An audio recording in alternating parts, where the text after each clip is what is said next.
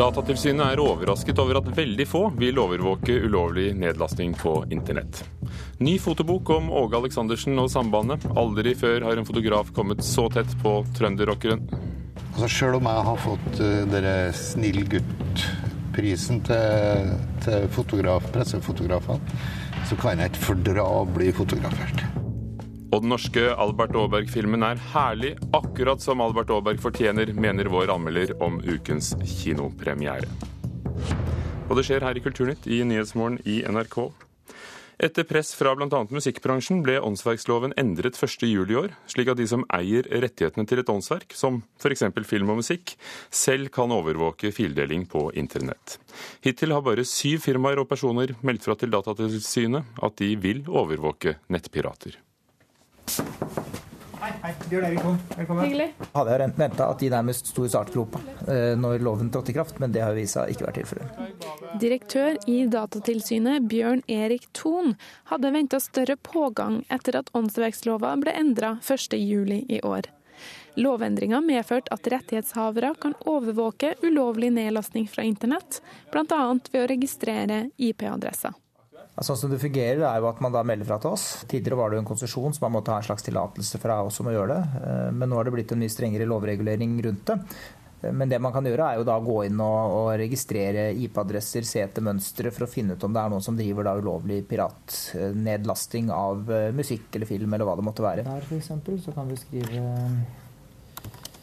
registrering etter åndsverksloven.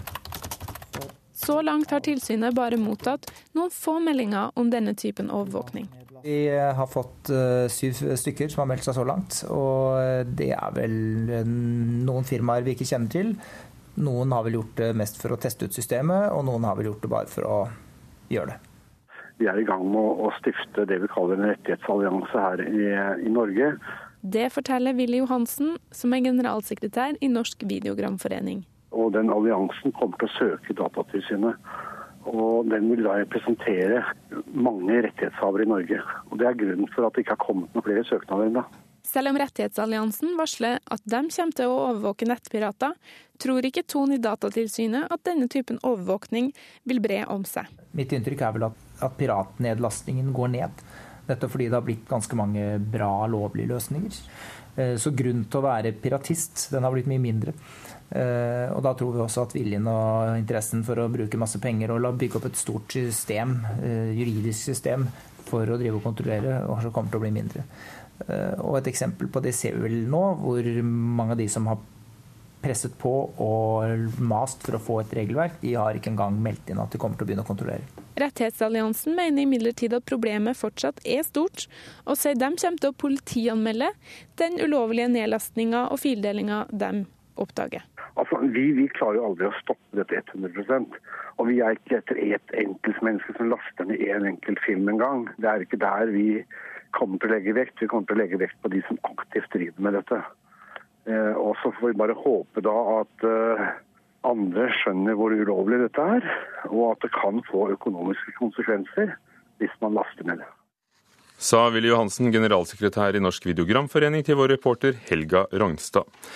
Torgeir Waterhouse, direktør for internett og nye medier i IKT Norge, en interesseorganisasjon for IT-bransjen. Hvorfor eh, tror du at ikke flere har villet overvåke verkene sine?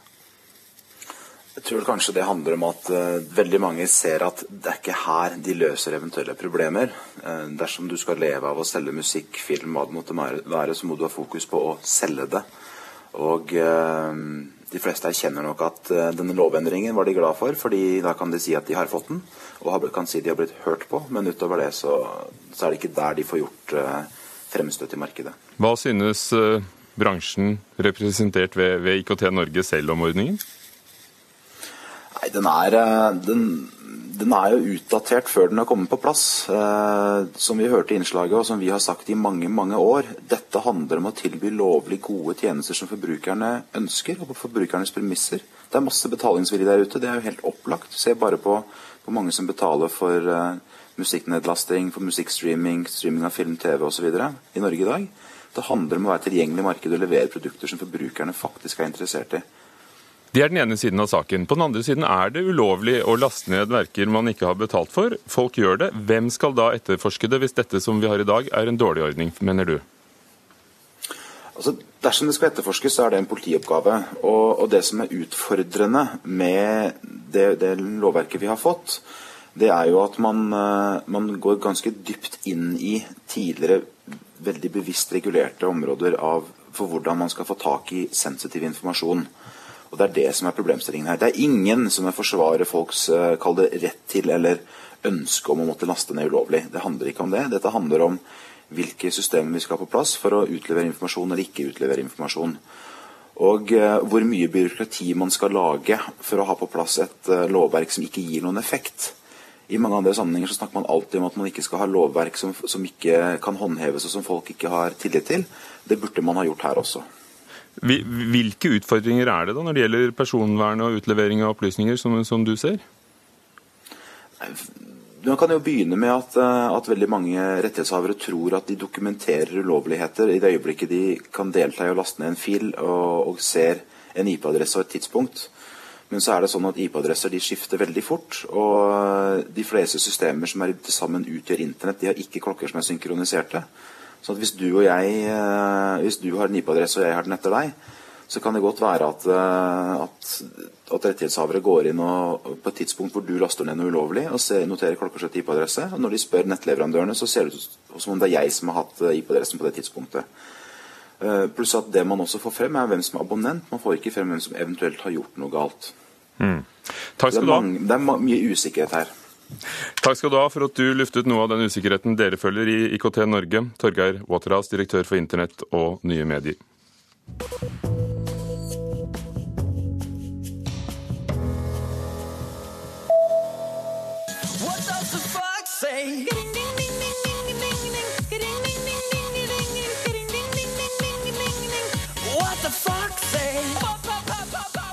The Fox av Ylvis debuterer på 29.-plass på Billboard 100-listen i USA. Plasseringen skyldes interessen videoen har fått på YouTube, hvor det nå er blitt sett over 19 millioner ganger. Også premieren til Ylvis-Åker-brødrenes TV-program på TV Norge hadde mange seere denne uken. 600 000 så sendingen, noe som er en markedsandel på 47,6 det kan bli vanskelig for de borgerlige partiene å droppe bokloven. Det mener medieprofessor Tore Slåtta ved Universitetet i Oslo. Høyre, Venstre og KrF vil heller fortsette med dagens eh, avtale, der bransjen selv har regulert salget av bøker. EU og EØS-reglene kan bare godta enten en lov eller fullt frislipp, ikke en mellomting, slik de borgerlige legger opp til, hevder Slåtta overfor Dagbladet.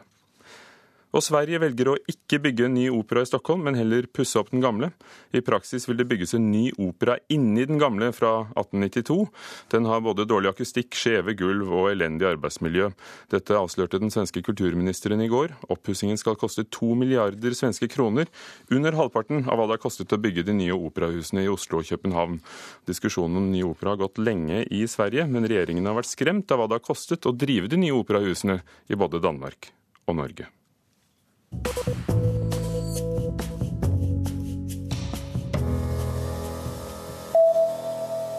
I dag kommer fotoboken om Åge og Sambandet. Aldri tidligere har en fotograf kommet så tett på rockeartisten.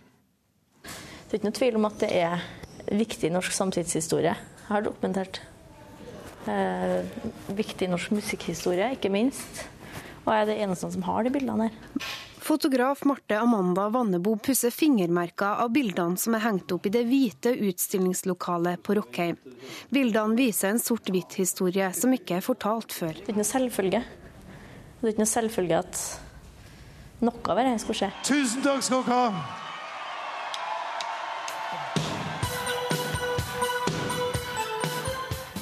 Opptakene er fra 2009. Trønderrockerne spiller foran en fullsatt storsal på Studentersamfunnet i Trondheim. Og helt fremst står Marte med kamera. Og det er her drømmen starter. Det var jo veldig sånn på avstand. Jeg var jo livredd for å gå i veien, og de skulle synes at jeg var plagsom. Så um, ja, det er rett og slett her jeg tok bildene første gangen på ordentlig. Ja. Altså, Sjøl om jeg har fått uh, dere snill gutt prisen til, til fotograf, pressefotografene, så kan jeg ikke fordra å bli fotografert.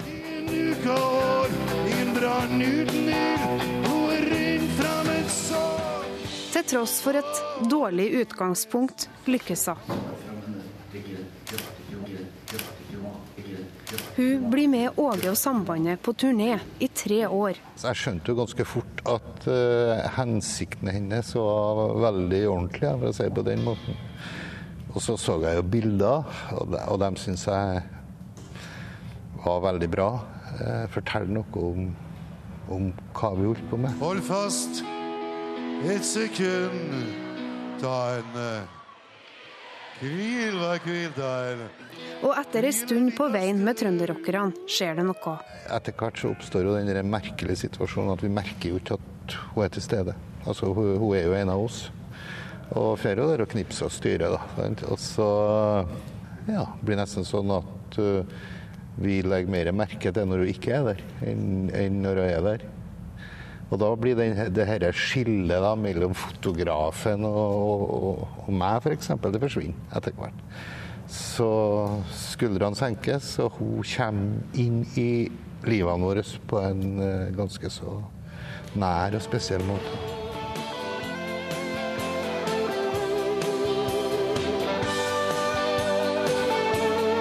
Og i dag er det bokslipp. Fotoboka om Åge og sambandet inneholder en historie som aldri før er dokumentert. Det er mye historier som dukker opp i hodet når jeg ser gjennom en del av bildene her, kjenner jeg. Eh, og det er jo egentlig derfor jeg starta med det prosjektet her òg. Fordi jeg alltid har hatt, og har ennå, en veldig, veldig stor respekt for han som både musiker og som menneske. da. Bildene dokumenterer hverdagen til trønderrockerne. På scenen, i studio, på veien og bak kulissene. Og hvert bilde har en bildetekst med Åge Aleksandersens håndskrift. Jeg sitter her med liksom livet vårt i hendene. Og så er det sterke bilder, og så, og så, Ja, det rører meg. Jeg må bare innrømme det. Også.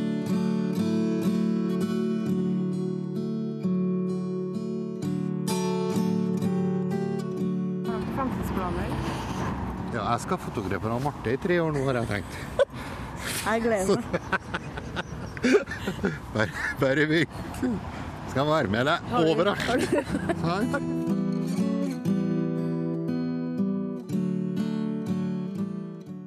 Åge Aleksandersen og fotograf Marte Amanda Vannebo, som har laget boken 'Hjemløs' om eh, Åges turnéliv. Reporter Kaja Kristin Næss. 18 minutter over åtte, du hører på Nyhetsmorgen i NRK. Overskriftene. Det er uvisst hvor mange som mangler norsk fagbrev i byggebransjen. Nå slår byggenæringen selv alarm og vil ha den nye regjeringen med på spleiselag for at flere skal få fagbrev. Statoils anlegg i utlandet er for dårlig sikret, viser en intern granskning. Og franske Sophie Calle ble dumpet av kjæresten og laget kunst av det, og både folk og kritikere elsker det, og vi møter Sophie Calle senere her i Kulturnytt. Mållaget er bekymret for nynorskens fremtid med en ny borgerlig regjering. Kristelig Folkeparti og Venstre forsikrer at språkpolitikken blir viktig når de skal forhandle. Kanskje mest redd for valgfritt sidemål og mållova. Det er jo på en måte de to bærebjelkene som gjør at nynorsken er og kan fremdeles være et nasjonalt språk. Sier leder i Noregs Mållag Marit Tenne. Hun mener nynorsken vil svekkes dersom det blir valgfritt med sidemål og sidemålskarakteren fjernes. Hun mener derfor det er viktig for nynorsken at Venstre og Kristelig Folkeparti kommer i regjering. For nynorsken sin del så er jo det åpenbart eh, viktig. Fordi at eh, de eh, sitter på veldig gode vedtak og har tradisjonelt opp gjennom sin historie vært viktige for nynorsken. For på forrige landsmøte gikk Høyre inn for å fjerne karakter i sidemål på ungdomsskolen og videregående. Det samme ønsker Fremskrittspartiet, som har programfestet at de ønsker å gjøre sidemål frivillig. Det har bare det å si at uh, Mållaget trenger ikke å bekymre seg, for Høyre er opptatt av at vi skal uh, styrke nynorskens stilling i det norske samfunnet. Sier Elisabeth Aspaker, utdanningspolitisk talskvinne i Høyre.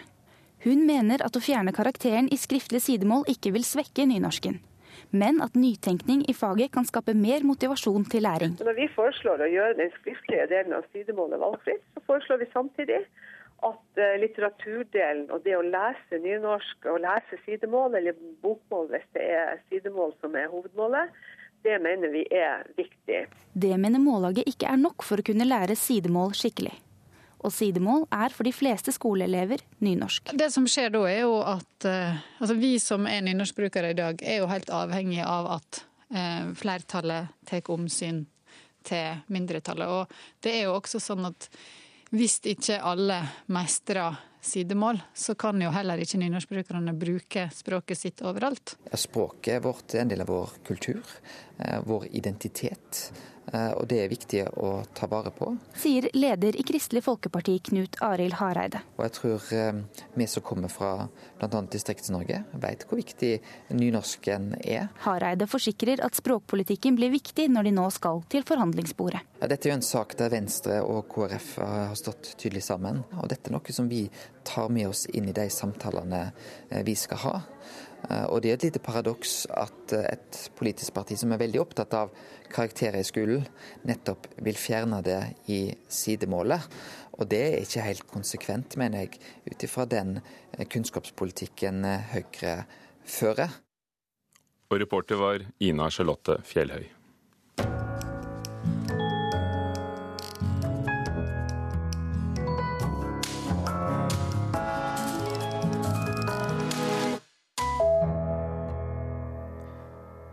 Film som er så enkel og klok at den er fin film for voksne også, sier vår anmelder om Hokus pokus, Albert Aaberg. Og så er det hyggelig at regissøren og mye av produksjonen er norsk, mener Einar Gullvåg Staalesen. Jeg skal snakke om Hokus pokus, Albert Aaberg. Jeg skal bare Jeg skal bare spille litt av musikken først.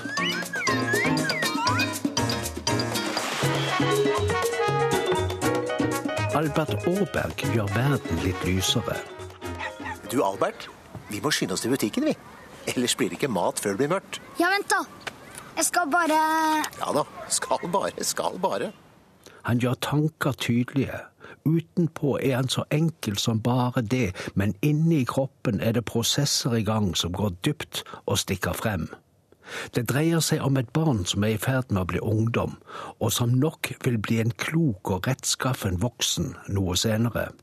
Ja, men jeg skulle bare Ja, skulle bare. det er ærefullt å få lage film om den gutten. Toril Kove fikk æren. Hun burde være den mest kjente filmskaperen vi har i Norge, for hun er den eneste norske som har fått ordentlig Oscar. Den fikk hun for Den danske dikteren. Så ble hun nominert for Min bestemor strøk kongens hjorter. Toril Kove er en filmskaper med rar fantasi. Det gjør filmene hennes veldig morsomme og veldig tankefulle samtidig. Det er han. Trollmannen. Er du trollmann? Ja, det kommer an på hvordan man ser det. Ja, men Albert Aaberg er skapt med samme raffinement som de andre filmene hennes. Guttens visuelle univers er det som vi har sett på TV og i bøkene. Han og hans nærmeste er blant de få menneskene i verden som har ovalt ansikt i breddeformat. Hårfjonene på den nesten blanke issen er der. Far er den samme, de andre ungene er de samme. Sivert er med, han er den billedlig diffuse, men intellektuelt skarpe rådgiveren og samtalepartneren som setter seg ned med Albert når han trenger en å snakke med. Han er en slags ånden som kommer. I Hokus pokus Albert Aaberg er det flere gode sanger også, men ikke så mange at vi kan kalle filmen musikal. Georg Riedel har laget de fleste sangene. Alltid er man altfor liten for å henge med. Og blir styrt av alle og spørre nei, jeg liker ikke det. Man får ikke være med i leken. Toril Kove har samarbeidet med tegnere og animatører og andre spesialister i en rekke land. Det er særlig mange asiater på navnelisten til slutt i filmen. Gratulerer, Toril Kove. Filmen din er herlig.